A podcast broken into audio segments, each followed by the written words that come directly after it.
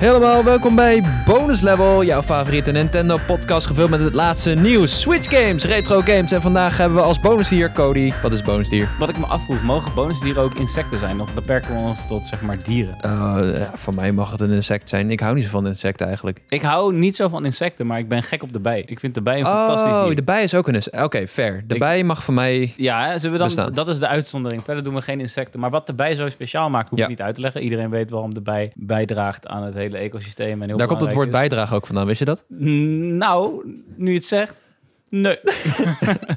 maar, eh, dus dat hoef ik niet uit te leggen wat een bij allemaal doet. Ik heb ook nu even geen feitje over bijen. Maar ik, ik ben de laatste tijd eh, helemaal hooked aan een guy. Die heet Yappy B-Man op, op eh, YouTube. Is hij. En dat is een guy die helemaal niet begaan is met technologie. Laat staan met een camera of vloggen. Oh. Maar hij vlogt dus dat hij bijen verwijdert in de in de United States. En het is echt, ik vind het fascinerend. Hij steekt gewoon zijn hand erin en dan gewoon in zo'n klots met bijen en dan doet hij hem gewoon zo erin en dan zegt hij van, uh, I'm looking if they're if they're aggressive. En dan gaat hij zo een beetje op pokken en dan gaat hij een beetje prikken en soms wordt hij gestoken. En dan zegt hij, ah! En dan, het is, ik, ik raad je aan om fucking beekeeping video's te kijken. Het is een heel gekke rabbit hole waar ik voorlopig niet uit ga komen. Ik heb nog een tip voor jou. De zanger van Metallica heeft blijkbaar een PhD in bijenkunde of zo. Oh, wat vet. En die was dus een keer te gast bij Joe Rogan. En dan verwacht je dat ze over Metallica gaan praten. Maar ze hebben drie uur lang over bijen gepraat. Ik ga dat 100% luisteren. Ja. Het is fascinerend, man. Die, die- ze hebben ook... Ja, ja, goed. Ik hoef niet te praten over de rolverdeling van bijen. We weten allemaal dat ze als, net zoals mieren heel intelligent zijn. Ja, Maar het gaat zo diep. Het is bijna een fucking seizoen 1 van een serie. ja. Eh, eh, Wel jammer dat ze nooit de echte hoofdrol spelen. Altijd bijrollen. Ja, dat is wel...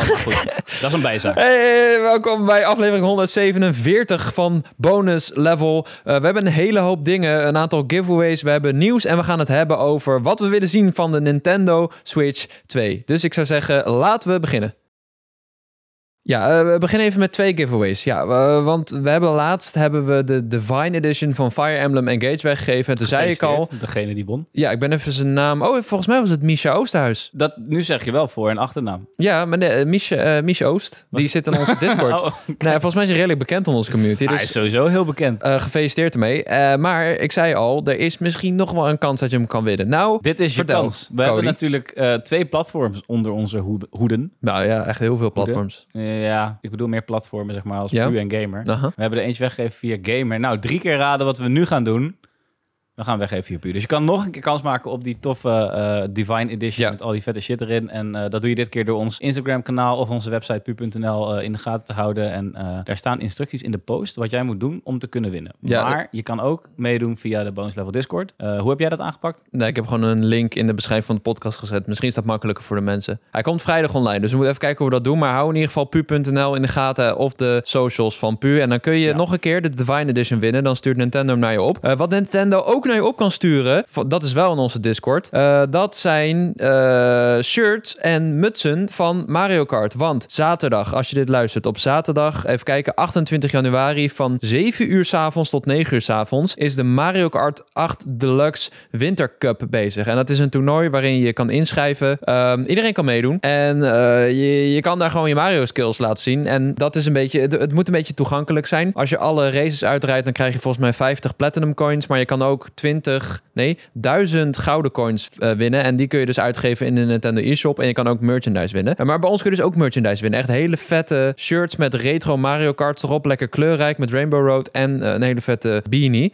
Wat moet je daarvoor doen? Laat even op de post zelf als een emoticon, dus niet in de chat, in onze Discord een emoticon achter van een auto. Of een kaart. Ja, het, het heeft geen zin om eh, Meerdere te doen. meer, meerdere te doen. Dus nie- Ja. niemand heeft dat volgens mij ook Er gedaan. staat hoor. een, eh, een emoji van een eh, draaiende peach. Prachtig mooie emoji. Ja. Als je die even aanvinkt. eh, we gaan gewoon heel simpelweg verloten tussen de mensen die emoji hebben aangedrukt. Ja, en zit je nou niet in de Discord, is misschien wel een mooi moment om even te joinen. In de beschrijving Goh, van deze Daar podcast had ik nog niet over nagedacht. Nee, daar hebben wij echt niet over nagedacht om mensen in onze Discord te krijgen.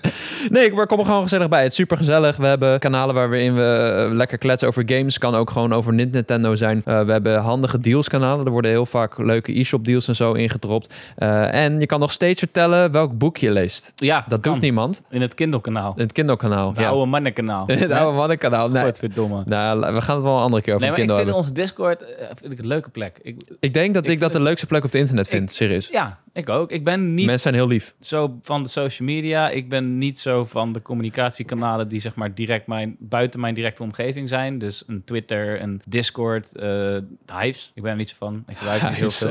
Maar ik vind de Discord van Bonus Level, dat is de enige plek waar ik in reageer. En Ja. waarin ik denk van, ik kan hier gewoon zeggen wat ik wil. Want al die fucking gasten in die Discord, die weten hoe ik ben. Want ik praat. En het is een hele eh, vriendelijke Discord. Ja. Eh, het is ook leuk om mensen die kopen iets waarvan ik nog nooit had gedacht dat het bestond. Of maken zelf. Er was een guy die had zelf eh, uitdraaisels gemaakt voor hoesjes van retro Switch games. Ja, fucking, vet. vet. Echt en heel dat ga cool. je echt alleen maar in de Ja. Bonus Level Discord krijgen. En je kan er ook terecht voor als je vragen hebt, weet je. Want ik wilde bijvoorbeeld laatst de Minish Cap kopen. Die heb Ja. ik, eh, uiteindelijk heb ik een soort AliExpress versie besteld. Van Heb je die al binnen? Ja, die heb ik net binnen. Is ja. het wat?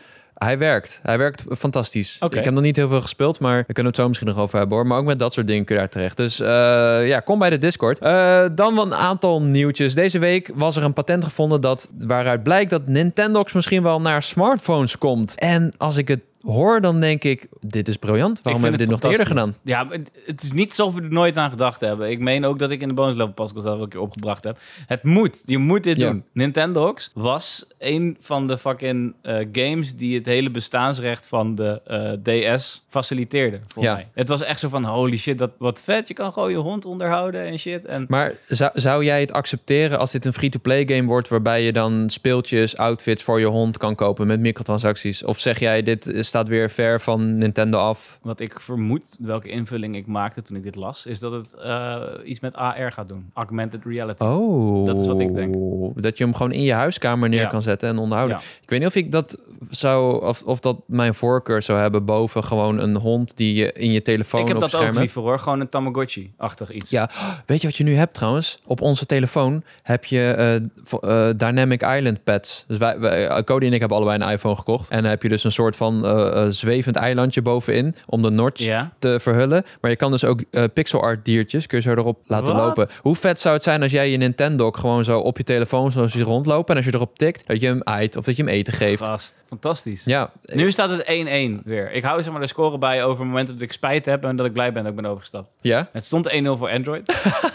Want gisteren kwam Mol naar me toe en zei... Eeuw, gast, moet je dit zien? Poké MMO. Dat is een of andere soort van game... die de eerste vijf Pokémon regions samen bundelt. Oh, ja, ja, En hij was dat helemaal aan het spelen. Hij zat er diep in. Hij zei, het is geweldig. Ja, was op PC ja. downloaden. Eh, dus ik download. Kan niet. Kan niet op iPhone. Nee. Dus toen voelde ik helemaal echt dichtgebouwd. oprecht heel kut. Heb ik tegen Mol, ik wil er nu ook niks meer over horen. Want nu kies ik ervoor dat het niet meer bestaat. Ja, maar dit bestaat heel... Je kan het gewoon op je PC spelen, weet je. Dat, ja, maar dat- is niet zo. Dus toen zei ik, oké, 1-0 voor Android. Nu staat 1-1, want dit kan niet op Android. Nou, Nintendo's kwam natuurlijk in 2005 uit voor de DS. En toen kwam er in 2011 nog een vervolg op de 3DS. Die heette Nintendox plus Cats. En Nintendo maakte de laatste jaren niet heel veel mobiele games meer. Ze, ze hadden eerst best wel groot erop ingezet. Ook al blijven ze zeggen, ook, het is nog steeds belangrijk voor onze strategie. Maar Ja. eh, als je het vergelijkt met Sony bijvoorbeeld, die gaat nu sick hard investeren. Er komt de Sackboy game aan. Last of Us komt ook naar mobiel op de een of andere manier. Uncharted. Ja, ik, eh, hmm. Mario Kart Tour wordt nog ondersteund. Maar, Maar, bijvoorbeeld eh, Dragila Lost, dat was een RPG die best wel succesvol was. Of eh, populair was. Die hebben ze stopgezet. Die was niet super succesvol. Fire Emblem Heroes hebben ze ook stopgezet. Volgens mij hebben ze die ene soort Nintendo Home, hoe heet dat ook alweer? Met een soort Mii had je. Die hebben ze ook stopgezet. Oh, dat, wist ik niet eens. Ik weet wel dat Mario Runner er nog is. Ja, vond ik best wel leuk trouwens. Is, is best oké, zeker. Het heeft wel eh DNA van Mario op zich. En Mario Kart Tour is natuurlijk best wel een succes. Wat ik wel vind, jij zegt Sony zet er wat harder op in. Maar ik vind wel dat zeg maar een Mario Kart Tour achteraf, hè, want dat duurde wel eventjes. Ik, als ik nu tegen release Cody had gezegd dat ik Mario Kart Tour leuk vond. Ik vind het nog steeds, ik speel het zelf niet. Maar ik wat, speel het ook niet. het is wel eh, uniek. Het is very much een soort van Nintendo op je smartphone. Ja. En als ik mijn verwachting voor een Sackboy is dat het gewoon een endless runner wordt. Dat het gewoon fucking Subway Surfer is met Sackboy. Ja, ik weet niet precies hoe die game eruit ziet. Dr. Mario had je natuurlijk ook op smartphones. Ook best wel leuk. Alleen Ja. er zat een beetje heftige monetization op. Ja, daarom krijgen wij heel veel van die games niet mee. Want Ja. je hebt ook Animal Crossing is ook hier geblokkeerd. Oh ja, ja. We hadden ook natuurlijk die Pokémon game met die trainers. Pokémon Legends of zo. Heroes. Ik weet, ik ben ja, ik ook tegelijk kwam met Home en Café, Ja. toch? Ja. Ja, ja die, die is hier ook niet speelbaar. Eh, dus we krijgen soms wat minder van mee. Bijvoorbeeld Diablo Immortal vind ik ook best wel jammer. want Het schijnt best wel een goede game te zijn. Zeker. Ja. Maar met die regels rondom lootboxes, die ook wel terecht zijn natuurlijk. Maar wat je het liefst ziet, is dat ze daar gewoon iets op bedenken. Dat je gewoon geen microtransacties met echt Ja. geld kan doen. Of, of geef het in, in Nederland eh, slash Benelux een 18 plus rating of zo. Ik vind als 18 plus Ja. dan moet je toch wel de inschatting kunnen maken wanneer je iets koopt in een spelletje en wanneer niet. Ja, precies. Ja, ze, ze zijn nu ook bezig natuurlijk met... de, het is weer een heel uitgebreid verhaal hoor. Maar de Europese Commissie heeft net voorgestemd om dit meer te onderzoeken. En Europese regels te maken voor lootboxes. Dus misschien gaat er wel iets in veranderen. Eh, ik, ik wil nog even heel kort drie ports naar de Switch eh, behandelen. De, er komen ports naar de Switch. Daar houden we van. Eh, Session Skate Sim komt op 16 maart naar de Nintendo Switch. Dat is een eh, skate simulator, best wel hardcore. Redelijk wordt hij ontvangen. Hij Ja. is erg kaal. Het, het ding is met die game, is de, de cijfers waren, ik, ik meen op puur een 6,5 van Marvin Toepoel en op Gamer een 6,8 van Sander. Van Sander. Ja, 6,5 volgens mij ook.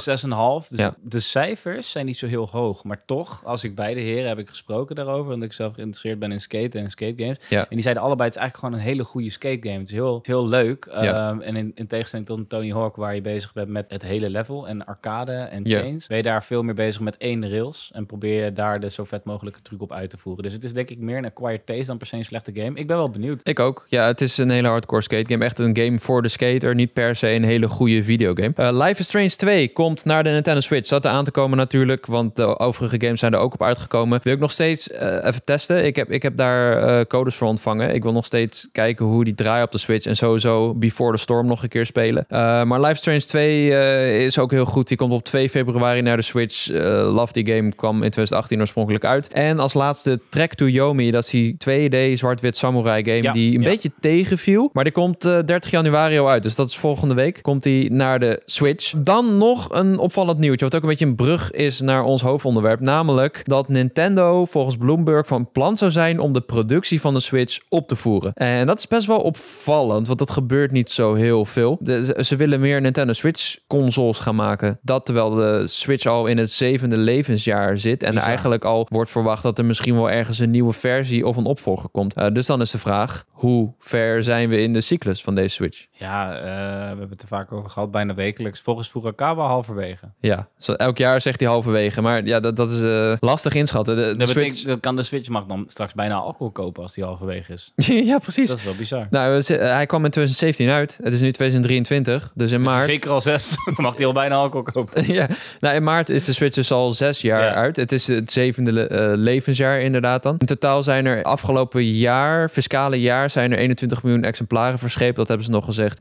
Eh, en afgelopen september hebben ze gezegd dat er eh, 114 miljoen exemplaren van zijn verscheept. Als ze echt zo doorgaan, dan gaat de Switch misschien wel de best verkochte console ooit worden. Nou ja, dat is een feit. Want Sony staat met PlayStation 2 momenteel op 155 miljoen. Dus dat is nog een miljoen. Ja, dat klinkt lullig, maar is nog een miljoentje, toch? Nee, Ben ik nog gek? 115 ten opzichte van 155. Oh, sorry. Ik, ik keek bij het getal van de DS. Die is daar bijna voor. Oh, wat zonde dat ze daarmee zijn gestopt. Ja, kunnen we nu allemaal nog even één Nintendo DS nog maar een kopen? miljoen. Ja. Ja, dat is een fucking... Nee, oké, sorry. Dan, dan neem ik mijn woorden terug. 40 miljoen is nog wel redelijk substantieel, zou ik zeggen. Ehm, maar goed, hey, eh, wat je zegt, halverwege de leefziekte, dan moet dat lukken. Eh, Wauw, ik baal echt dat de DS niet een miljoen keer meer verkocht is nu. Ja, dat is jammer hè? Aan de andere kant vind ik PlayStation 2 ook wel een soort van waardige lijst. Ja, het hele verhaal, waarschijnlijk weten luisteraars het wel hoor. Maar de PlayStation 2 was onder andere zo succesvol omdat het ook een DVD-speler was. Ja, Het, het had een DVD-speler aan boord en was daarmee ook een van de eerste DVD-spelers. En ook, het was een media system. ja, volgens mij was het op een gegeven moment objectief gezien de goedkoopste DVD-speler die je kon kopen. Dat was het ding, ja. Dus waarom de fuck zou je geen PlayStation 2 kopen eh, als je eh, DVD's wil kijken? Want dan kun je Ja. er ook op gamen. Ik weet nog wel, vroeger, eh, heel vroeger, namen wij hem nog wel eens mee op vakantie.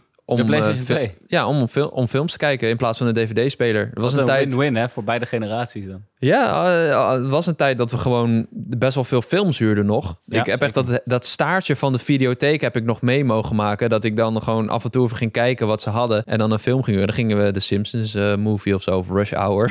Oh, Rush Hour, Ja. eh, Jackie Chan, Chris Tucker. ja man, dat vond ik fantastisch. Ik vond de videotheek ook wel echt leuk hoor. Ik, ik heb wel iets meer dan een staartje meegepakt. Het is voor mij nog best wel gewoon een, een... Ik kan er best nog wel naar teruggrijpen. En Ja? voor mij was het hoogtepunt, en ik weet niet waarom, ik ben een raar kind, dat bewijst het maar weer. Maar voor mij was het hoogtepunt. eh wij gingen bijna dagelijks naar de videotheek. Want mijn moeder die wilde altijd Hagendas ijs. En dat hadden ze alleen bij de videotheek. Wat is dat? Ja, weet ik veel. Een film? Een speciale merk van ijs. En dat hadden ze alleen bij de Oh, ijs. Ja, ik dacht dat het een film was. Hagendas heet het volgens mij. Ik weet niet. Hadden ze alleen bij de videotheek bij Videoland volgens mij. En Oh. dus we gingen daar echt bijna dagelijks heen. En ik mocht dan naar de videogame afdeling. Dat was natuurlijk nice. En ik mocht daar, ik zou daar naar Ah, die heb ik nooit gezien, joh. maar wat we voornamelijk daar deden, was een filmpje huren natuurlijk. En het mooiste daaraan was, vond ik, wanneer je hem mocht inleveren. Maar hij was dicht, dus je mocht hem door de buis doen. Dan mocht je, kon je hem zo in zo'n buisje gooien en dan zag je hem zo gaan. Zo. Echt? Je hem ingeleverd. Dat was voor mij magie. Wauw. Ik weet, weet- niet waarom dat magie was. Ik weet wel dat je ze zelf open moest maken met zo'n slider. Oh ja, Om hem te unlocken. Of was dat in de bibliotheek? Daar heb ik ook een hoop films gehuurd de trouwens. slider. Wacht even. Nee, jij bent in de war met de videotheek tijdschriften dan, denk ik. Nee, nee, nee. Je had, eh, je had eh, hoesjes. Nee, dat was misschien niet Videoland. Dat was bibliotheek. Maar die waren gelokt. En dan moest je zo letterlijk je, dat hoesje moest je zo door een soort eh, slider heen halen. Oh. Door een soort ding. Oh, dit ken ik niet. Net zoals dat je dingen van alarmen, van kleding ja, ja, afhaalt. ja. En dan was hij lo- gelokt en geunlocked. wel een belletje te rinkelen. Maar nu ben ik denk ik in de war met de sealed bags van de iPlaza. Dat zou ook kunnen. Maar we kwamen dus heel vaak thuis. En dan was die fucking DVD nog gelokt. Omdat we het waren vergeten. Of die Blu-ray zelfs. Ja. Maar de echte klootzakken, dat waren degenen die de videoband niet terugspoelden. Eh, Je moet natuurlijk, als je hem inlevert, moet je hem hebben teruggespoeld. ja. Oh, ik heb nooit videobanden geleend, man. 50 moet... Oh, Gulden? ja, 4,50. Ja, daar heb ik echt geen actieve herinnering aan, man. Ik wel hoor. Flubber. Hoe kan dat nou? Ik, heb, ik ging we- wekelijks Flubber huren. Ja? Ja, Flubber was awesome. Wauw, sick. Oké, nou ja, goed. Eh, meer Was Switch raar. consoles dus. Eh, dit is een beetje een bruggetje naar het bonusonderwerp. Ja, want ik dacht laten we gewoon maar gelijk verder gaan. Eh, de videotheek. de videotheek, Eh, ja. nee. Nee, de Switch 2. Kijk, we hebben het vaak over de Switch 2 gehad. Wanneer komt die? Nou ja, als we heel grofweg de geruchten mogen geloven, komt die eh, misschien wel volgend jaar. Of het nou een Pro is of niet. De laatste geruchten zeiden dat er dus geen Pro de maak is, maar dat ze toch werken aan een Switch 2. En dat die dan volgend jaar zou uitkomen. En de chip, die was gelekt via Nvidia, die zou in ieder geval 4K via DLSS en raytracing ondersteunen. Ja.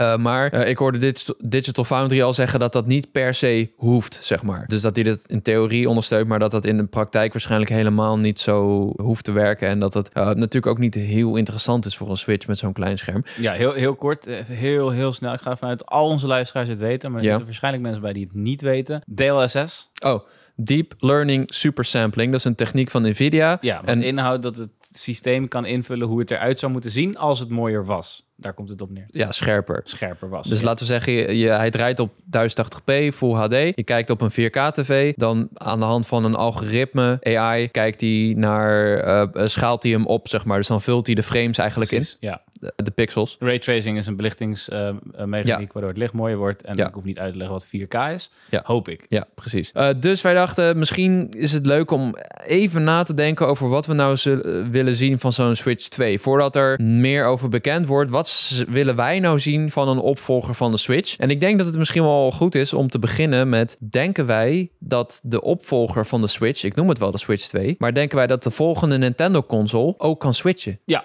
Ja, dat denk ik wel. Ja? Want ze hebben heel bewust de keuze gemaakt om handhelds achter zich te laten. Ja. Ik denk niet dat ze nu... Ja, achter zich te laten is niet helemaal niet waar. Maar ze hebben natuurlijk een hybride gemaakt van een home console en een handheld. Om het samen te voegen, om ja. het samen te voegen. En dat was het, eh, de hele reden waarom de Switch zo aansloeg, denk ik. Ik denk dat Ja. ze daarop blijven staan. Ik denk dat ze bij de hybrides blijven en niet nu ineens met een nieuw DS-model moeten gaan komen. Of de Switch daar... eh, als Ja, of een home console, daar dacht ik dus aan. Nou ja, dat zou kunnen, maar ik... ik, ik Oké, de- oké, sorry. Ik begrijp wat je bedoelt. Dat dit de handheld wordt. Dat de Switch de handheld variant wordt, zeg maar de opvolger van de DS. Nee, nee, nee. Ik vraag, ik vraag me gewoon in het algemeen af. Stel, Nintendo gaat een nieuwe console uitbrengen, een nieuw platform. Wordt, ga- gaat die precies hetzelfde kunnen als de Switch? Of gaan ze net als de vorige paar platformen, zoals de Wii, de Wii U, proberen om iets origineels ermee te doen? Want Iets revolutionairs. als je het aan, Ja. ja. als je het aan Furukawa vraagt, zegt hij: wij willen voor elk platform willen we iets unieks bieden. En dat is misschien ook waarom ze zo krampachtig vasthouden aan Ja. de uitspraak dat de Switch pas halverwege is. Als er nieuwe hardware komt, willen ze ook iets nieuws bieden. En misschien hebben ze op dit moment wel gewoon niet, niet iets nieuws. Dus houden ze vast aan de Switch, ook omdat die zo succesvol is. Aan de andere kant denk ik, eh, dit was heel erg de eh, designfilosofie van Iwata. Mhm. Iwata was natuurlijk piek tijdperk, zou ik zeggen, nadat ik zijn boek heb gelezen. Ehm, DS en Wii. Ja, da- da- daar kwamen zijn plannen eigenlijk tot uiting. Dat waren twee verschrikkelijk totaal andere platformen... waarvan iedereen dacht, dit gaat nooit werken. Twee schermen met een touchscreen... waarvan Ja. je met één hand de stylus vast moet houden... ben je gek geworden. Of een Wii, waarbij je niet een normale joystick hebt... maar gewoon Een stengel in je hand. de stengel in je hand waarmee je moet een bewegen. in je andere hand, ja. Interessant. Ik vind het interessant dat je dat zegt. Maar ik kan me niet voorstellen eh, dat ze nu gaan afstappen van onmisbaarheid die de Switch heeft opgebouwd. Nou, Mee eens. iedereen moet in zijn huishouden een Switch hebben staan. En dat is iets wat ze eigenlijk eh, na de Wii niet meer hebben kunnen nabootsen. De Wii had Ja. Ook, die deed natuurlijk iets, eh, die beroep iets heel tastbaars, namelijk motion controls. Ja. Dat is een beetje de droom van iedereen sinds als kind zijn. Als je aan het gamen was, toen kreeg je iToy, die deed dat, hey, motion, wat vet. En Ja. nou, de Wii, eh, die, die, die wist dat eigenlijk te embodyen, zeg maar.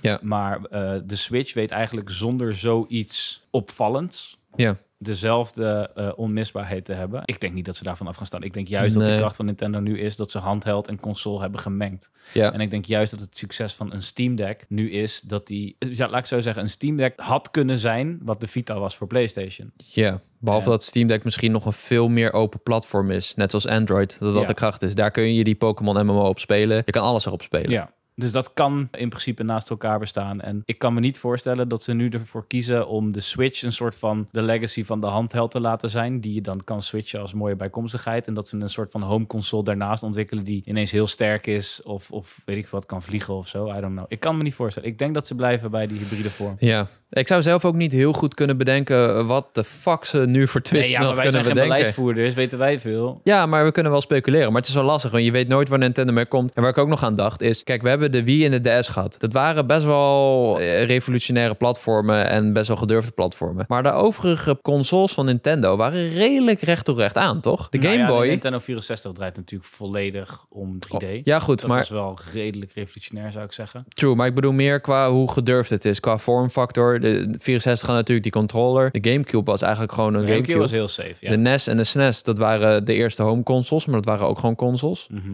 Eigenlijk niet eens per se. Het was de toegankelijkste console die het makkelijkst aan huis kreeg, maar verre van de sterkste consoles in hun tijd. Ja, ik denk ook niet dat Nintendo nu opeens teruggaat naar die, die hele hardware wapenwedloop hoor. nee, maar ik het denk zou, het ook niet. het zou wel een, een soort van ommekeer zijn als ze zeggen: Oké, we hebben nu de Switch 2 en hij is beter en krachtiger. Ik, ik probeer alleen na te denken: wat voor twist zouden ze in godsnaam nog, nog kunnen doen? Ja, We hebben het vaak gehad over een soort dock die powered up is en die wat extra features biedt. maar dat is geen twist. Dat is Dat aansluiten bij de wapenwedloop. Ja, Wat dat ik sowieso waar. wel interessant vind daaraan is die kracht hè, die ze dan zouden krijgen. Stel je voor, ze hebben ineens de kracht van PlayStation 5. En zo. Dan spelen ze ook helemaal niet op hun eigen kracht in. Want je wilt niet fucking 4K Mario zien. Ja, oké, dat misschien wel. Maar het is sowieso cartoon. En Ja. je gaat nooit hetzelfde kunnen krijgen als wat nu PlayStation met de les was. doet. Uber realistisch, super mooi. Dat is helemaal niet de stijl waarin de first party games van Nintendo in shinen. Dus waarom de fuck zou je dat doen? Ja, ergens zie ik Nintendo wel nog iets van een modulair design maken of zo. Oké. Wat, a- sure. en, en volgens mij zijn alle modulaire designs ter wereld geflopt. Ik, ben nog, ik herinner me nog een telefoon van HTC. Die je zelf, eh, ja, die weet ik ook De nog. HTC... Hoe heette dat eh, ding ook De alweer? 5 was het. De H,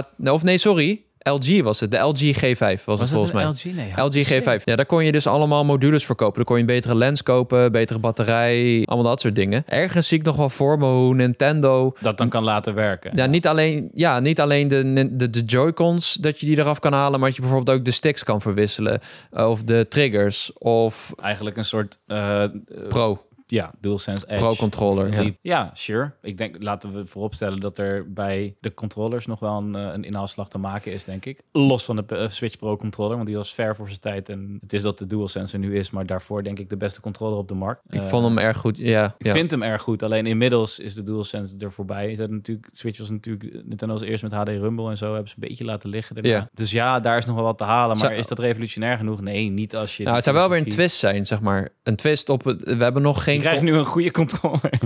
Nee, nee, Een twist. een modulair design bedoel ik. Oké, sorry. Van, je kan niet alleen switchen van, Ja. van eh, tv-modus, eh, eh, beeldschermmodus, maar je kan dus ook verschillende knoppen verwisselen en allemaal lijpe GameCube-knoppen installeren. Weet ik veel. Ik zeg ook maar wat. Ja, iets wat nu derde partijen vooral oppakken. Ja. Ja, natuurlijk laatst die, die, die Gamecube eh, Joy-Cons. Ja. Die als de tierenlier gingen. Iedereen wilde iets van weten. Het nadeel van modulaire designs is, je gaat er wel vanuit dat je consument bereid is om eh, extra onderdelen te kopen. Uh, maar als er dus één doelgroep is die dat wel doet, dan is dat uh, de Nintendo doelgroep. Ja, maar niet de bredere, niet de bredere term daarvan. Als jij uh, mama op pad stuurt voor een Switch voor je kindje, dan ja. komt zij natuurlijk niet thuis met exclusieve modules. Nee, nee, dat is wel waar. Ja, maar dat is gewoon, ik probeer nu in het brein van Nintendo ja, te kruipen en dat is gewoon niet te doen hoor. Maar oké, we gaan er maar nu... Ik vind wel interessant modulair. Ik denk dat dat nog steeds wel, ja. Dat is gewoon iets waar ik ter plekke aan denk hoor. Maar we gaan er nu dus even vanuit, er komt een Switch 2 volgend jaar, stel je voor. Wat ik ook nog wel zie gebeuren ja? als, als haakje, als iets, is de uh, vertaalslag tussen het gebruik van je mobiel en het gebruik van een console. Ja. Iets te versimpelen of zoiets dergelijks. Dat ze misschien, wow, dit is out there. Wat nou als ze met een smartphone komen? Waar je Joy-Cons op kan zetten. Bijvoorbeeld. Waar je gewoon mee kan gamen. Gewoon een game smartphone met als primary function gaming. En je kan ook hem gebruiken als telefoon. Dat is echt totaal crazy. Maar dan krijg je denk ik wel, ja, dan krijg je wel de verwachting crazy. dat we elk jaar of elke twee jaar een nieuwe Switch krijgen. En dat Zou... gaat nooit gebeuren. Daar heb je gelijk in. Ja, of misschien nu nog niet. Ik weet het niet. Wat nou als je de Switch phone hebt en je kan je telefoon in een dock zetten. En ja. Zo je... Maar kijk, dat game, mirroring alleen games duren al twee jaar om te maken. Dus uh, mm. tegen de tijd dat de, dat de hardware in handen is van de developers, is er eigenlijk alweer nieuw uit. Dat is ook de reden waarom nog steeds console levenscycli ja. zo lang zijn. Uh, maar ik vind het wel een grappig idee. Maar stel, we gaan ervan uit, het is een Switch 2. Het is, ongeveer, het is een Switch, maar hij wordt beter. Wat willen wij er dan van zien? Is er één ding in het speciaal wat je wil zien? Ja, het is niet helemaal eerlijk, want we hebben natuurlijk hier een heel mooi uitgewerkt lijstje met dingen die we Ja, nee, we kunnen daar gewoon mee beginnen. Daardoor we hebben... denk ik in deze hokjes. Maar wat ik heel erg mis, ja. En ik mis dat ook aan de PlayStation 5 en ik mis dat ook aan de Xbox. Mm -hmm. Maar in het geval van de Switch vind ik het het meest storend. Ik mis echt personalisering. Ja, precies. Het is toch mijn console. Zijn toch, een, sorry, dan heb ik het wel over de doelgroep waar wij ons in beginnen. Dus bevinden. Dus mensen die meer dan één Switch hebben. Ja. Waarvan het niet voor het hele gezin is. Het is toch mijn Switch? Ja. Waarom als ik de Switch van mijn vriendin oppak, is die precies hetzelfde als mijn Switch? Ik wil dat als ik mijn Switch aanziet, zet dat je heel groot Donkey Kong ziet ergens. Ja. Ik wil dat mijn tegeltjes anders zijn. Ik wil dat mijn emblem wil ik kunnen... Ja, ik vind dit op zich trouwens wel leuk, die uh, emblem icons die je hebt. Maar ik zou het ook wel tof vinden als ik zelf iets kon maken, zoals bij Call of Duty Black Ops ja, kon. Of gewoon uploaden. Of gewoon uploaden. Ja, het moet gaan mensen dan weer piemels meer van mij worden. Profielfoto's, ja. De hele reden waarom ik me nu heel erg verbonden voel met de Switch Lite is omdat hij zeg maar zo uitstaat van de rest. Hij is lichtroze. Hij is lichtroze, ja, ja. Dat wist ik niet dat, van jou. Ja, maar dat vind ik zo mooi. En daardoor voelt hij... Als ik naar kijk en ik heb vast denk, ja, het is mijn console. Maar dat moet beter. Ja, maar de PlayStation 4 had ik had een heel tof dynamisch thema van Uncharted. Ja. helemaal gek op ging. Maar de enige die deze generatie heeft begrepen dat je dat niet overboord moet gooien is Xbox. Want Xbox zei, oké, okay, we maken één UI voor de Xbox One ja. en de Series X en S. En uh, je kan daar dezelfde dingen mee en meer uh, als op de oude uh, consoles. Terwijl Sony heeft dan weer een big reset gedaan. En nou ja, is het een verbetering? Aan het begin vond ik het zeker geen verbetering. Ik denk dat ik het nog steeds geen verbetering vind. Nee, misschien niet. En uh, die gooien zelfs features overboord. Want de Nintendo ook met de 3DS. Als ik nu mijn 3DS, mijn 2DS XL opstart, dan krijg ik echt een super vet ja, Pikachu thema die ik een keer heb gekocht volgens mij. Of een keer mocht downloaden omdat ik Sun and Moon had gekocht. Ik weet niet meer. Ja, dat is toch vet? Zoiets simpels kan zoveel voor je betekenen. Ja. Vind ik echt serieus. En natuurlijk doen ze het nog wel uh, met de limited editions van de Switch. Je hebt natuurlijk de Zacian, niet Zacian. Zacian en Samazenta edition. ja, ja. Ik laatst achter dat het niet Zacian was. Ik was helemaal in de war. Echt? Oh, ik heb het nog nooit gehoord. Uh, en je, je hebt natuurlijk die, um, die exclusieve Switch modellen. Uh, Ja. waar Ik vind dat dat er al te weinig zijn. Waar de vak was die van Link to the Past. Ben ik, sorry, Link's Awakening. Ben ik nog Ja. steeds boos over. Dus daar doen ze het wel mee. Maar dat is wel echt iets waar, waar ze een steekje hebben laten vallen denk ik, Ja. bij de Switch. Ik hoop, ik hoop wel, ik vind deze UI van de Switch wel goed op zich. Ik vind, om, in ieder geval een goede basis. Hij is wel lekker snel. Als je screenshots maakt, is het ook super, eh, super vloeiend. Ja. Eh, maar ze moeten nog wel, zeker op het gebied van online infrastructuur, dat is ook een van de dingen die ik heb opgeschreven. Voice chat, gewoon vrienden toe kunnen voegen op basis van gebruikersnamen. Ja, Jezus, dat man. zijn dingen die we gewoon wel echt moeten kunnen. En dat is een hardware ding ook. Echt een hardware power ding. Eh, de, de Switch is gewoon niet krachtig genoeg om dat ook nog op de achtergrond te draaien. Eh, maar dat is wel iets waar je naartoe moet. Want er is een reden dat wij niet onze Switch opstarten, elkaar online zien en dan ook gewoon in een party duiken om Splatoon te spelen. Ja, Want dat, kan gaat niet. Nee. Dat gaat gewoon niet. Dit, daarom, eh, ik kijk niet eens wat andere mensen aan het spelen zijn. Ik doe altijd single players. Ik doe gewoon mijn eigen ding. Ik vind het wel leuk dat je, ehm, en dat is iets waar eh, Sony misschien weer van kan leren. Of eh, ik weet niet of Xbox het heeft, dat, moet ik me, dat, dat weet ik eerlijk gezegd niet. Maar Mhm. als ik lekker Pokémon aan het spelen ben en ik zie eh Jacco online komen en ik zie wat jij gaat spelen, dat vind ik altijd Ja. leuk. Dat vind ik leuk. Zie ik Jacco Peek, Splatoon 3. Denk ik, oh, wat leuk, ben je Splatoon 3 aan het spelen? Ja, dat is ook wel leuk. En dan Dat denk wel- je, ik wou dat ik je een berichtje kon sturen om mee te doen. dat ik hier iets mee kon doen. Ja, en dat is heel raar, want sommige games kun je dus wel weer een invite sturen. Makkelijk. Nou ja, nee, maar makkelijk is het nooit. Nee, het is nooit echt makkelijk geweest, inderdaad. Ehm, en, En, eh, eh, ja, ja schrijf, noem jij maar op. Jij hebt hem opgeschreven. Oh, sorry. Een hele goede, eh, nou, waar we het stel, nog niet over gehad hebben. ja, stel we willen online een keer, of Nintendo wil online een keer goed aanpakken. De Switch blijft nog wel een handheld apparaat. En eh, dan wordt 5G support wel echt een ding. Ja. Weet je nog dat ik naar Berlijn ging voor die eh, Logitech eh, handheld? Daar hebben we het toen ook over gehad. Ja, ja, Dat was echt een best wel een mooi sta- staaltje hardware. Goed over nagedacht. Batterijduur die was fantastisch. Maar het was een cloud gaming apparaat zonder 5G support. Zonder mobiele... ja dus dat Data is gewoon support. Niet, toe, niet toekomstproef. Ja, dus dan Ehm. moet je met je handheld binnen huis blijven om überhaupt een game te spelen in dit geval. Maar stel je bent onderweg en het is zo toegankelijk nu. Het is zo groot. Mo- eh, Warzone Mobile wordt dadelijk ook weer een fucking hit. Call of Duty Mobile is een hit. Mensen spelen gewoon online games. Waarom kunnen we niet een aparte simkaart erin stoppen of zo? Of een, een, een Nintendo abonnement afsluiten dat is dus ook bij online? net op dat Nintendo telefoon idee kwam. Ja,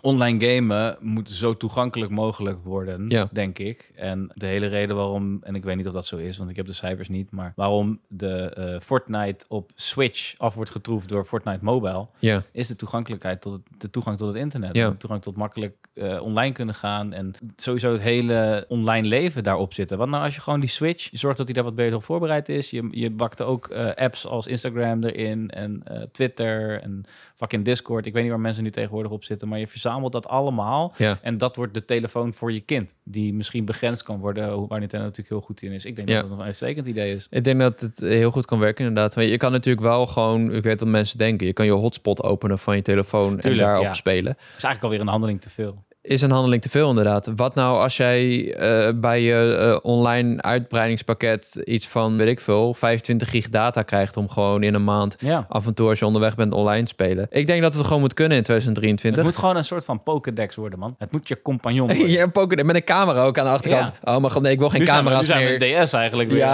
aan nee, het nee, ik heb die camera nooit Fuck. gebruikt. Ah, maar toch, de DSi is Vreselijk. Mooi, hè? Oh. Ja, oké. Vraag je, ik heb een quizvraag voor jou en voor de kijkers. Ja, Welke handheld is zwaarder, de DSi of de DS Lite? Volgens mij is de DSi best wel licht. De DSi is lichter, correct. Ja, waarom Ja, vraag ja. je dit? Nou ja, omdat ik, ik, had- ik zat laatst met mijn broertje aan de headset en hij zei zo, ja, maar de DS Lite is fantastisch, want die is het licht. Ja. Zei ik, nee, dat is niet zo. Zei hij, ja, nee, echt serieus. Daarom heet hij ook de DS Lite. Ik zei, nou, er zijn vijf andere redenen waarom die DS Lite heet. Dat ten eerste. En ten tweede, Ja. de DSi is lichter, ik zweer het je. Ja, ja, maar dat weet ik ook wel. Want de, de 200 gram DSi kwam iets later uit en eh, voelt inderdaad... eh maar iPhone is zwaar, jongen. Zo. Als ik daar ga hardlopen met dit ding, heb ik een soort gewicht in mijn ja, handen. maar die van jou is ook echt, die is nog wel drie keer zo groot als die Ja, ik heb, daar, ik heb daar max. Ik heb Maar, grote klauwen. eh, dat valt mij ook op. Het is een, Ja. het is een, het is een robuust apparaatje. Ja, maar daar komen we zo op nog de hardware. Ik wil eerst nog zeggen dat ik trophies wil. Ik hou niet van Ja. trophies, maar als ik er dan een krijg, ben ik wel blij. Zo. En eh, ze hebben die, eh, ze hebben al dat puntensysteem, man. Geef mij gewoon een paar punten. Als ik, als ik een, platinum trophy hou, dat zou heel tof geef me gewoon eh 2 euro korting of zo. Zo, dat is wel veel direct. Maar Nou ja, die moet er hard voor werken. ja, ik, nou, ik vind dat een heel goed idee. Ik denk dat ze dat gewoon moeten doen. En ik denk, als je dat niet wil uitdrukken in geld,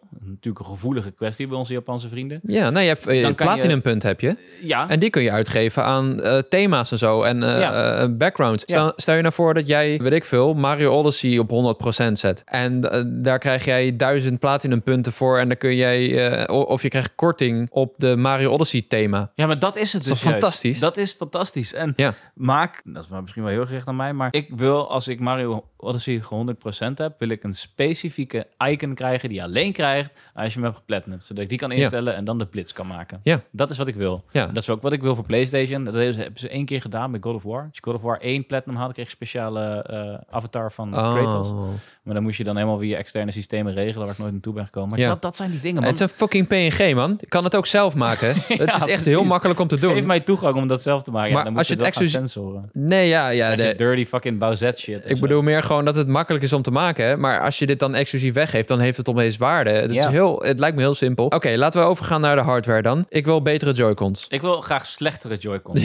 ja, nog Dat slechter. lijkt mij fijn. Ik wil dat ze binnen een dag stickdrift Ja, krijgen. dat zou ik wel fijn vinden. Eh, Liefst net iets kleiner. Zodat als ik Mario Party doe en gedwongen word om met één zo'n Joy-Con te spelen, dat Ja. ik nog minder goed kan eh, Nou, spelen. we- weet je wat het is? De stap van de Wii U naar de Switch was natuurlijk gigantisch op allerlei manieren. Maar wat we heel erg zagen, en daar hebben we, heeft Michel ook, eh, ook toen nog een hele mooie column over geschreven, is dat de Switch wel echt duidelijk wat minder duurzaam is. Die Wii U-pad kon je neefje gewoon tegen de Zo. muur gooien en dan deed hij het waarschijnlijk nog. een. Als je dit Ja. met een Switch doet, dan ligt hij in duizend stukjes. Het is gewoon niet zo duurzaam. Dat zie je aan de dingetjes als stickdrift. We hebben natuurlijk die eh, gekke eh, Bluetooth-problemen gehad toen hij net uitkwam. Maar ook de grotere sticks zou ik wel willen hebben. eh, voor de mensen met grote Ja, handen. ja. Ik vind ze redelijk klein. Ook zeker als je ze zo zijwaarts houdt. Enkele Joy-Cons. Mhm. Want laten we eerlijk zijn, je hebt niet altijd de Bij je. Nee, En helaas niet. nee. Ik, doe, ik speel nog wel eens Mario Kart met iemand zo op on the fly. Dan zijn die kleine stickjes en die kleine knopjes zijn erg vervelend. Klopt, het is ook een soort van eh, een, een, een obstakel geworden bij couch co-op. Want als je vroeger Smash ging doen bij iemand thuis na school, Ja. dan was het duidelijk wie de beste was daarna. Want je Ja. ging gewoon Smash doen en iedereen had dezelfde fucking controller. Niet helemaal waar. En op de Gamecube was dat wel zo. Maar op de, De. Nintendo 64 had je natuurlijk het lamme pookje. Ja, Dat en de Wii had je natuurlijk ook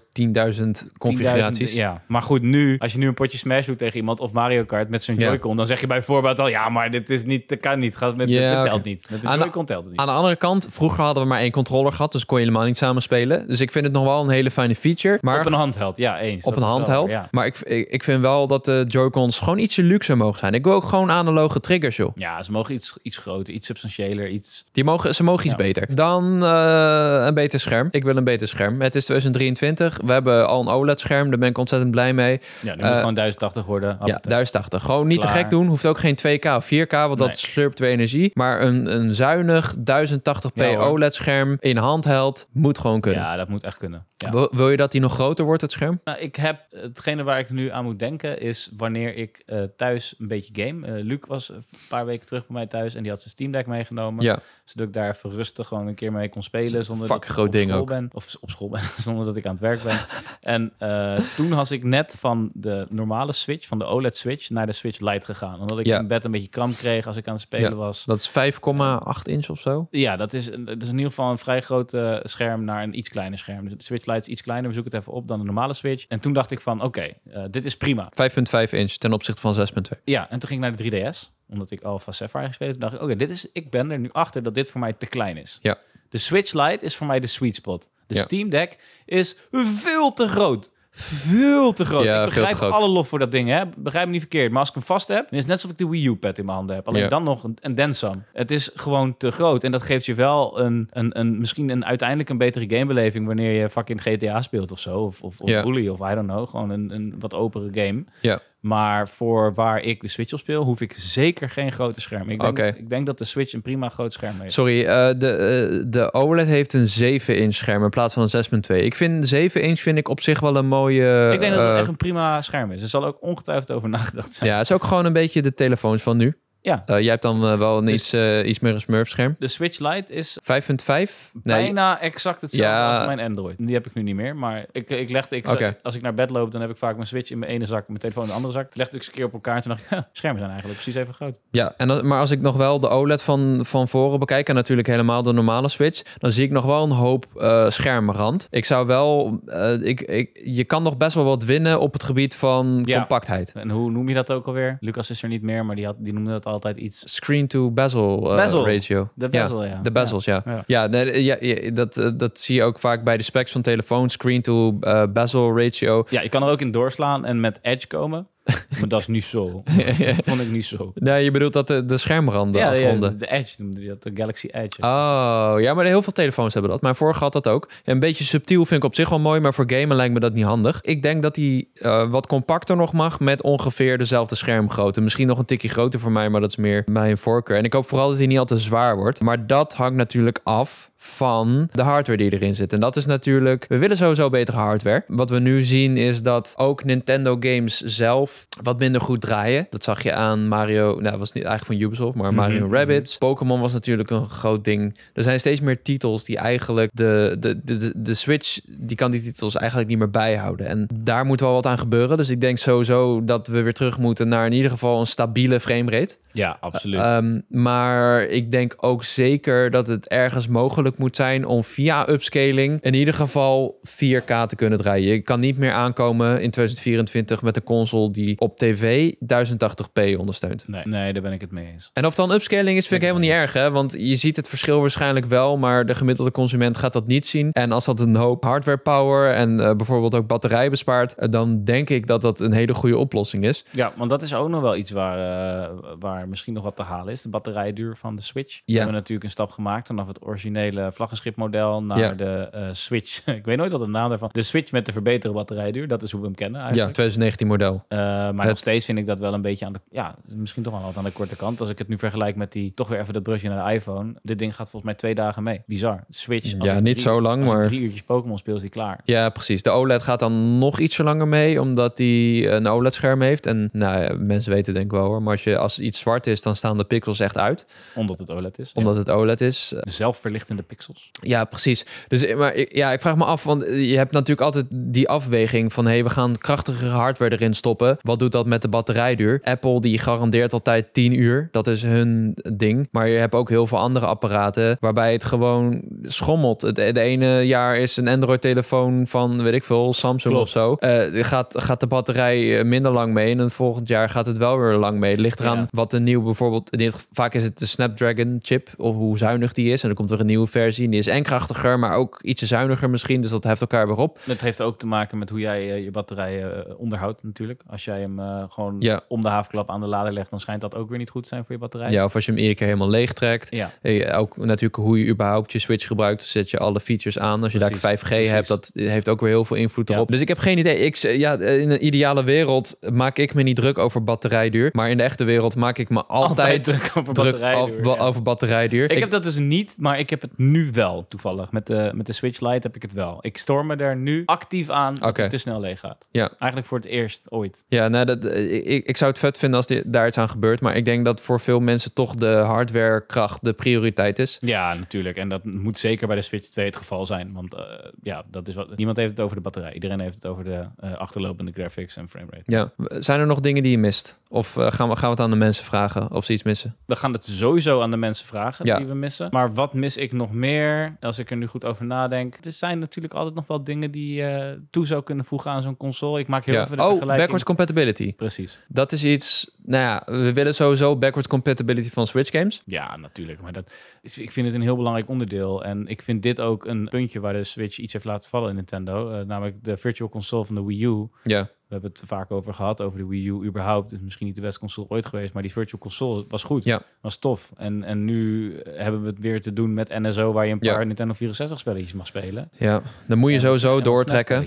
Ja, dat moet gewoon... Ik begrijp dat ze het niet doen vanuit financiële beweegredenen. Ja. Maar in een ideale wereld is de meest nieuwe console... heb je daarmee toegang tot bijna alle software. Zoals een Xbox nu dus doet. In extremis, want daar kan je alles op spelen. Ik, ik eis niet van Nintendo dat ze dat doen. Maar een ingebakken virtual console is wel iets wat ik gewoon eh, wil zien. Ja, ik zit te denken, misschien bewaren ze de Game Boy games en de Game Boy Advance games wel voor een volgend platform. Ja, dat zou goed kunnen. Want je, je zit natuurlijk wel met het dat zou probleem. goed kunnen, ja. Stel je maakt de Switch games backwards compatible en hopelijk draaien die dan vanzelf al beter. Eh dan zit je wel met het ding dat eh, ze hebben dan niet meer de kans om, zoals ze nu deden, al die Wii U games van een remaster te voorzien. Dat was echt een ding natuurlijk. Ze hebben zo... Ja, ze dat hebben- is kijk naar Mario Kart 8 Deluxe. Stel je ervoor dat de Switch backwards compatible was met Mario Kart 8. Ik weet niet of ze dan zo'n succes hadden gehad hoor. Want Nou dan ja, was dat was niet... natuurlijk wel de, de klapper van een lanceertitel, hè? die Mario Kart 8 Deluxe. Ja. Maar goed, het was Deluxe deed wel meer dan dat het alleen backwards compatible, was natuurlijk. Ja, niet veel meer. Niet veel. Het is eigenlijk Mario Kart 8. Een vriend van mij die weigert nog steeds deze game te kopen.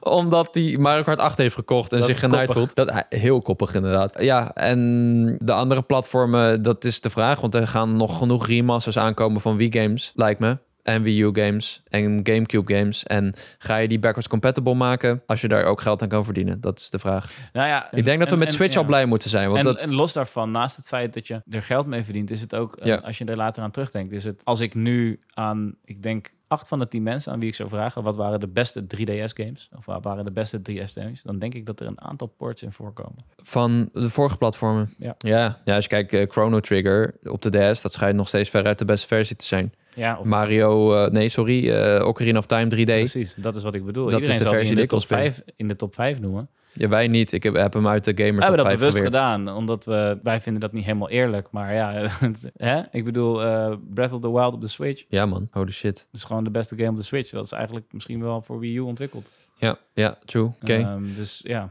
interessant is dat. Ik vind het lekker speculeren, man. Ik kan het eindeloos doen. Maar ik denk dat we wel zo wel de belangrijkste dingen hebben genoemd. Maar mocht er toch nog iets zijn vergeten, laat het even weten in de Discord. Die vind je nogmaals in de beschrijving van deze podcast. Of mail even naar bonuslevelcast.gmail.com. Hoe ziet jouw ideale Switch 2 eruit? Wat wil je? Eh, Noem maar ook direct even erbij hoe die heet, jouw Switch. Ja, en even de naam. Je mag gewoon, de sky is the limit, weet je. Stuur gewoon eh, je wildste ideeën op en dan behandelen wij ze volgende keer. Eh, net als onze vriend Geert. Geert? Ja, Geert. Echt waar? Onze oudste share Geert, die heeft ons gemaild. Geert is echt een topper. En die zegt, goedemiddag Jacco en Cody. Hoe is het leven? Lekker geslapen? Eh, ik heb vrij lekker geslapen, ja. Jij ook? Ja, zeker. Oké. Ik ik, het kut is, ik heb ineens weer een wens voor de Switch. Mag ik, nog, mag ik je nog één keer onderbreken? Ja. Ik wil dat eh, het dock wat meer portable wordt. Ik, nu, Om mee te nemen. Ja, want nu heb je nog steeds al die... Is nog steeds... Kabels. ja, Weet je wat ik wil? Dat je hem zo, dat, dat, er zo'n schuifje zit. er of moet Zo'n gewoon een screen mirror functie in komen. Oeh, nee, dat, ik weet niet of dat een woord, maar zo'n soort katrol. Dat je zo de kabeltjes zo weer in kan rollen. Dat je alleen zo'n blokje hebt wat je meeneemt. Ja, het moet net iets meer portable. Want ik denk nu te vaak van, ik neem die dock niet mee, want er is toch geen tv. En dan Ja. heb ik het dock bij me en al die kabels. Ja, Terwijl als ik hem nou wel gewoon mee kan nemen en ik kan altijd switchen. Dat zou ik fantastisch vinden. dat zou fantastisch zijn. Ja, dat je gewoon, dat hij ook fungeert als hoes bijvoorbeeld. Precies. Ja, dat, je, dat is denk ik een gat in de markt. Dat hij fungeert als hoes en dat hij hem ook gelijk oplaadt. Ja, gast. Dat willen we. Ja, dat, willen we. hebben we nodig. Thanks Geert. Hij zegt, ik was laatst lekker aan het genieten van Pokémon Red op de GBA en Pokémon Legends Arceus op de Switch. Tegelijkertijd kijk ik erg uit naar Octopath Traveler 2. Ik hoop dat, mij, dat ik mijzelf weer echt kan verliezen in die prachtig mooie wereld, zoals ook in Triangle Strategy. Nice. Tijdens het game begon ik te denken aan het volgende scenario. Want hoe spelen wij nog games als oud en grijs zijn? Welke games zien jullie voor je die je nog zou willen spelen of juist nog kan spelen als je met pensioen bent? Een fast-paced game of een turn-based game? Een open wereld game waar je alle tijd voor hebt of juist een uitdagende puzzelplatformer? Ik zie mijzelf nog jarenlang Pokémon spelen omdat het heel toegankelijk blijft en je rustig kan nadenken over je beurt. Mijn kansen in Mega Man, Cuphead en Cuphead schat ik minder goed in, maar ik hoop vooral nog vaak terug te keren naar de games die ik tof blijf vinden. Wat voor games zien jullie op je oudere leeftijd nog nog speelt en welke retro consoles wil je over 50 jaar nog opstarten? Ik hoor het graag man en veel succes met de podcast. Goed, Geert. PS, zou als special guest voor een Legends of Zelda special Lucas niet de meest logische keuze zijn als bonusgast? Eh, dat zou eh, Ik zeker. zou niks liever willen, maar ik denk dat hij dan de platte hand krijgt van de baas van PlayStation. Ja, kijk, Lucas is nu wel echt eindbaas van eh, PlayStation PR, hè? Hier niet meer voor benaderen. Ja, het is lastig. We hebben, we hebben het wel eens met hem erover gehad, maar het is gewoon lastig, weet je. Je kan niet zomaar de hoofd-PR van PlayStation uitnodigen om Het eens even flink over Nintendo te hebben. Al- Maar als, Geert als, heeft wel gelijk, dat is natuurlijk de gedroomde gast. Ja. Precies, ja. Vandaar, maar het was zo... eh, misschien hadden we moeten noemen, ja. Maar welke games... Hoe, hoe ga jij nog games spelen, denk je, als Wat, je wat, oud bent? wat is precies de vraag? Nou, eh, wat voor games denk je nog dat je gaat spelen als je oud bent en hoe zie je het voor je? Oké, ik, eh, ik heb er wel een antwoord op. Want ik denk dat ik, als ik ouder ben, en ik vind het heel moeilijk om daar een inschatting bij te maken, maar geen first-person shooters meer zal spelen. Althans, een stuk minder. Eh, nou Ja. is dat ook niet echt per se iets van, eh, van vroeger, wat je destijds speelde. Eh, maar ik denk dat je dat ik in een verlengde, dat daar platformen misschien daar ook onder gaat vallen. Omdat het toch intensief is. Oog-handcoördinatie. Ik heb geen idee hoe dat is als ik oud ben. Maar als er één ding is waarvan ik 100% zeker weet dat ik het nog speel, als ik een fucking bejaarde man ben en het liefst op de Game Boy SP, dan zijn het Pokémon games. Zo simpel is het. Dat gaat niet verouderen. Eh, ik weet dat het turn-based is en dat ik in de vorige aflevering eh, zei dat Fire Emblem misschien niet per se mijn ding was. Ik begrijp al dat en ik weet ook niet hoe ik werk, maar ik vind Pokémon fantastisch om te spelen. Altijd. En het doe dat het liefst op de originele hardware. Er gaat niks boven eh, fucking Leaf Green spelen op de SP. Dat zal ik altijd blijven doen. ja. Ook als ik een bejaarde man ben. En ik denk niet dat dat Snap geldt ik. voor FIFA, Rocket League, Call of Duty. Ik hoop dat het geldt voor Mario. Ik weet het niet zeker. Niet? Ik weet het niet zeker. Zelda? Ja, dat Zelda ook. Zelda zou ik altijd blijven spelen. Absoluut. Op de originele hardware. Dit is waar de ports misschien heel goed van pas gaan komen. Want weet je, ik, ik, ben, ik heb dus een ruimte om, in mijn huis nu uh, om een gamekamer te maken. En Ja. ik, ik had heel lang zoiets van, ik hoef geen gamekamer. Want ik game veel liever cave. in... Ja, dat, fuck die shit. Hell no. Los daarvan game ik gewoon veel liever naast mijn vriendin in de huiskamer. Ik vind het heerlijk om dat te doen. Maar zij mag niet in de man toen kwam zij op het idee, wat nou als je al je hardware dat je hier hebt staan, dus al die fucking Nintendo consoles, ik heb alles. Als je dat nou aansluit, permanent, en je maakt gewoon in die kamer een soort van tv, waar je altijd gewoon je Nintendo 64 schuifje aan kan zetten en direct op de goede zender staat en je kan op Nintendo 64 spelen. Ja, maar dat moet gewoon via software, toch? Nou ja, dat hoeft niet. Ik kan het ook origineel doen. Ja, oké. En dat, dat, zou vond ik dus wel een heel interessant gegeven. En Ja. dan, kijk, als dat mogelijk is, dan, en ik zet dat door tot ik een oude man ben, dan moet ik een grote kamer hebben, denk ik. Ja. Dan zou ik zeker nog wel eens de Nintendo 64 aanschuiven om een potje Mario 64 te doen. Daar twijfel ik niet aan. Maar het is Nice. denk ik de toegankelijkheid waar het op stuk gaat lopen. Op een gegeven moment wordt Dat het denk nog moeilijker om die AV-kabel te gaan vinden en, en de aansluiting Ja. op de tv daarvoor te gaan vinden. Precies. Ik heb nu al zoiets van, het is, het is de moeite niet waard. Ik heb geen zin om mijn Wii aan te sluiten Precies. om Mario Galaxy 2 te spelen. Ehm, dus ik denk dat... Je denkt ook al heel vaak van tevoren van ja, en dan speel ik het een uurtje en dan ben ik het wel weer zat. Ja, dat is precies. realiteit. Maar ik wil wel zeggen, voor Pokémon bijvoorbeeld, dat is wel echt een uitzondering. Als ik, als ik, geen, als ik Pokémon Ruby daar ik niet meer kan spelen, Ruby en Sapphire, dan ga ik toch echt wel ergens op zoek naar een Ja. fucking Game Boy van 1000 euro hoor. Precies. Of Eens, ja, eh, dat is het antwoord hier. The Witcher 3, maar die blijft sowieso oneindig speelbaar, want die kun je echt wel op PC of zo spelen. Wat voor game? Ja, er zijn een hele hoop games die ik gewoon heb gemist of gewoon nog een keer wil spelen. En ik denk dat ik, als ik oud ben en nog de mogelijkheid heb, eh, als mijn lichaam nog werkt, dan zou ik dat heel graag willen doen. Bijvoorbeeld, ik denk vaak aan de Red Dead Redemption 2. Oké. Fantastische game, 70 uur in gestopt. Maar het was toen al een struggle om die game uit te spelen. Ook omdat hij een beetje traag was, maar ook gewoon omdat het heel druk was. Kwam midden oktober uit, heel Ja. veel releases, heel druk. Ja, je gaat niet even zomaar dat nog een keertje doen. Ik steek niet zoveel uren meer in videogames tegenwoordig. Nee. Dat nee. ik eh 30 uur Fire Emblem speel, dat is al best wel een, eh, een uitzondering. En laten we wel wezen eh, over de periode van een aantal weken. Niet in twee dagen.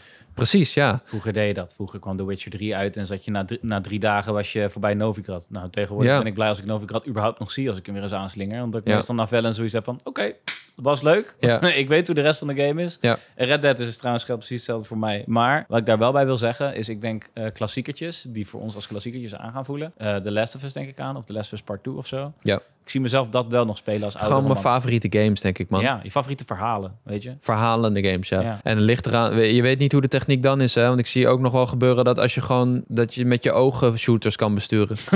Wayo. Ja, het kan nu toch al? Dat is absoluut waar. Dat zal waarschijnlijk zo zijn. Ja. je hebt nu al een game die heet eh, Before Your Eyes. Die kun je op Netflix gratis spelen op je telefoon. Speel dat. Ga, ga het doen. Dan kun je zien wat je met eye-tracking software kan doen op je telefoon. Oké. dat is een vet. game, dan eh, je, je bent overleden. Gaan ze je vragen stellen over je leven. En dan gaan ze kijken of je eerlijk bent. En dan je, je leven flitst letterlijk aan je voorbij. Terwijl je met je ogen knippert. En eh, dat doe je dan een paar keer. Je gaat ergens doorheen. En dan ga je langzaam erachter komen wat er is gebeurd. En dan moet je daarna eerlijk antwoord geven aan de poort van, de, van de hemel of zo. Het is heel weird. Het Eh, klinkt als een fucking bad trip, maar let's go. ja, ik weet niet of het voor jou is. Maar ik ben er wel voor in, maar het klinkt niet... Ja. het duurt een uur of zo. Anderhalf uur. Gratis als je Netflix hebt. Op maar heel, eh, heel interessant is om... eh, voornamelijk zeg je om te laten zien hoe ver dit soort technologieën al zijn. Ja, Oké, zeker. benieuwd.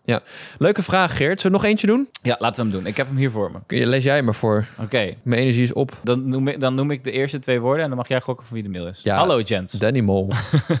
Hallo Jens, het onderwerp wordt wel vaker besproken. Het onderwerp dat wel vaker wordt besproken is welke games en genre wil je eigenlijk graag leuk vinden? Ik zit de laatste tijd in een ander dilemma, dilemma, namelijk games en genres die ik vroeger heel leuk vond, maar door de tijd wat minder. Vind ik steeds minder leuk of ik ga, wanneer ik het spelen, ben ik er redelijk snel klaar mee, waar we het net over hadden eigenlijk. Ja. Persoonlijk heb ik dit eh, onder andere bij RTS games zoals de Total War eh, games. Nou, eh, laten, we, laten we hiermee beginnen. Is dit te verklaren? Hij zegt, ik vond vroeger heel leuk en interessant om RTS te spelen, tegenwoordig wat minder. Ik denk dat we het kunnen terugkoppelen naar het gesprek dat wij net hebben gehad. Ik denk Ik dat tijd een factor is. Ja, tijd. Ik denk dat de evolutie van de verwachting die je hebt van een videogame onderdeel daarvan is. Ik denk ook dat RTS-games zelf ook niet zo heel veel zijn geëvolueerd, Ja. als je dat bedoelt, de afgelopen jaren. Ja, dat is niet wat ik bedoelde, maar dat is denk ik nog beter de reden. Ja, ik en, heb zoiets van, misschien voelt een RTS-game nu saai. ja, Vroeger niet. ja, precies. En ik denk dat je op een gegeven moment alles wel hebt gezien, toch? Zeker met zo'n genre, wat niet... eh, ja, ik weet niet... Nou goed, misschien moet je even verder met de mail. Maar ook de nieuwe Assassin's Creed zit ik niet met smacht meer op te wachten. Omdat het vaak weinig nieuws te bieden Ja, heeft. precies. Vervolgens pak ik het dan weer op. En als we dan drie delen verder zijn. En dan met zo'n setting die me aanspreekt. Dus hij, ja, nou, ik denk dat hier de aanleiding 100% voor is. Ja. Assassin's Creed. Valhalla deed dat voor mij hoor. Ik vond Valhalla best wel leuk. Ik ook. Ik vond omdat ik de ook vorige paar min of meer had geskipt. Ja, en wij hebben dus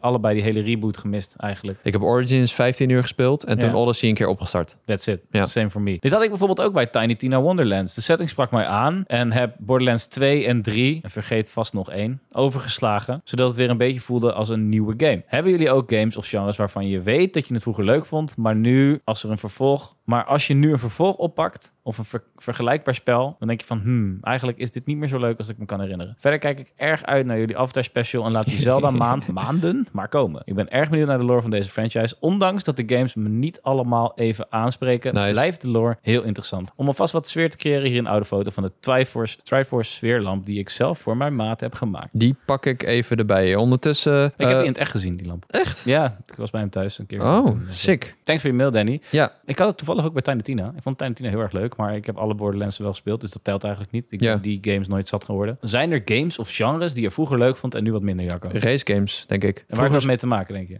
Ja, ik denk dat race games zijn geëvolueerd in open wereld games. En Eh, vaak ehm, misschien iets meer de arcade rand verliezen. ja, dus steeds meer, eh, steeds eh, minder arcade eigenlijk. Maar aan de andere kant heb ik dat ook heel veel gespeeld. Dus zo'n Need for Speed spreekt me ook niet aan. Terwijl Need for Speed vond ik vroeger echt de shit. Fantastisch. Ik speelde Need for Speed, fantastisch, ja. vooral dat eigenlijk. Maar ook, je had ook wat andere obscuurdere race games. Burnout was de shit. Burnout, ja. Midnight fucking eh, Midnight Club Dub Edition was Midnight Club heb ik veel gespeeld. oneindig vet gewoon. Eh, Mad, Midtown Madness oh ja, ja. was volgens mij ook van Microsoft of zo. Die speelde ik altijd bij mijn opa. was? Die launch game van PS3, Motorstorm.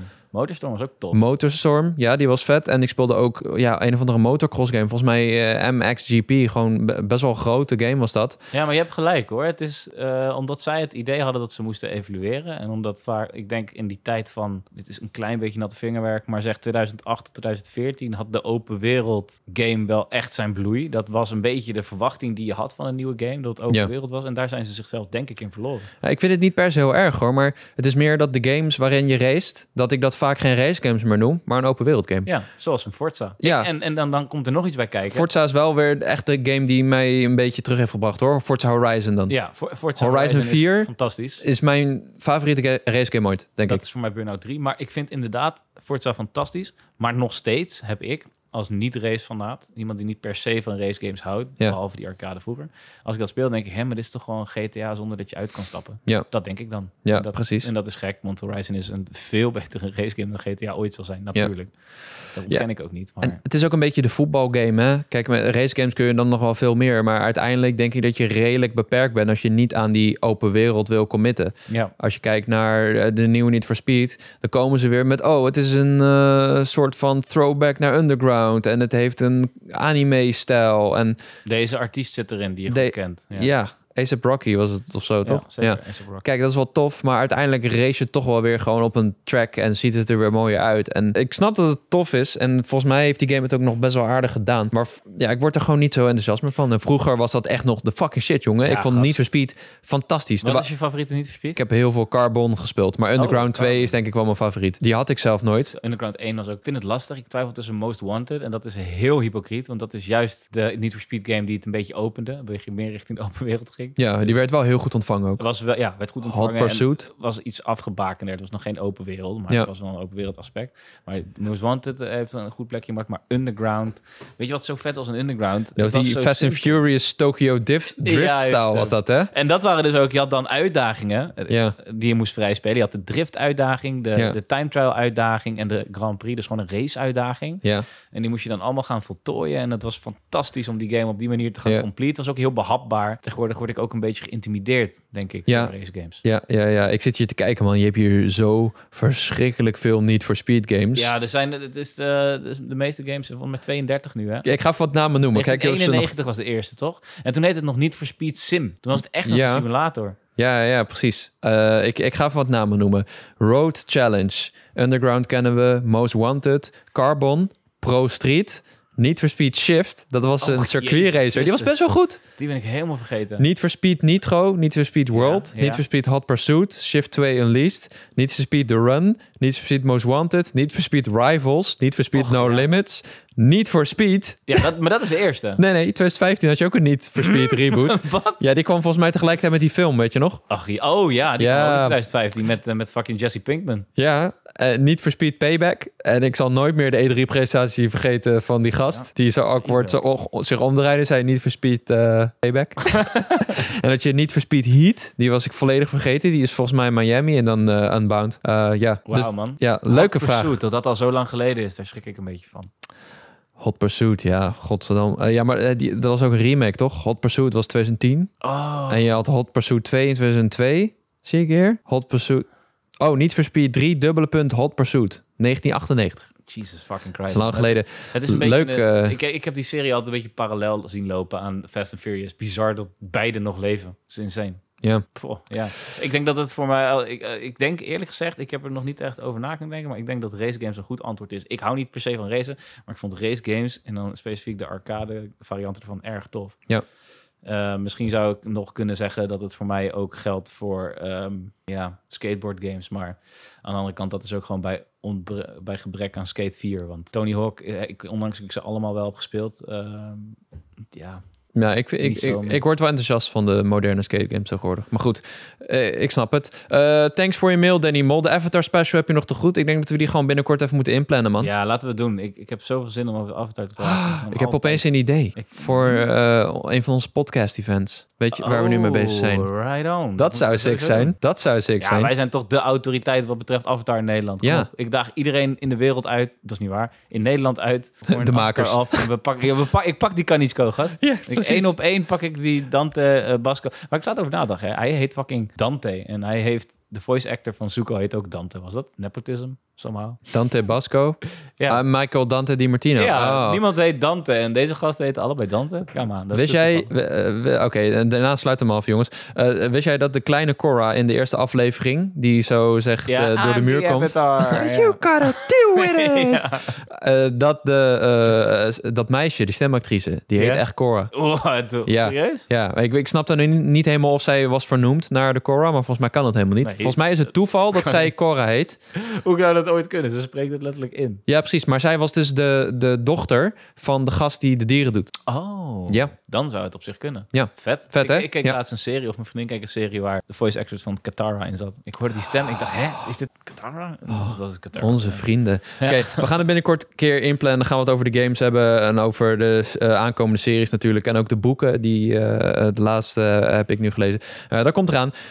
Vond je dit nou een leuke aflevering? Laat het dan even weten in de podcast-app van Spotify of Apple Podcast. En laat eh, volg ons ook even in die apps. Daar worden wij blij van. De meeste mensen die luisteren, die volgen ons nog steeds niet. En dan ben je op de hoogte van elke nieuwe aflevering. Volgende week hebben we een leuke special met een leuke gast. Die komt waarschijnlijk wel op vrijdag online. Eh, maar dat zien we dan wel. Wacht even, special. Nee, gewoon een, eh, gewoon een, ja, een gast interview special.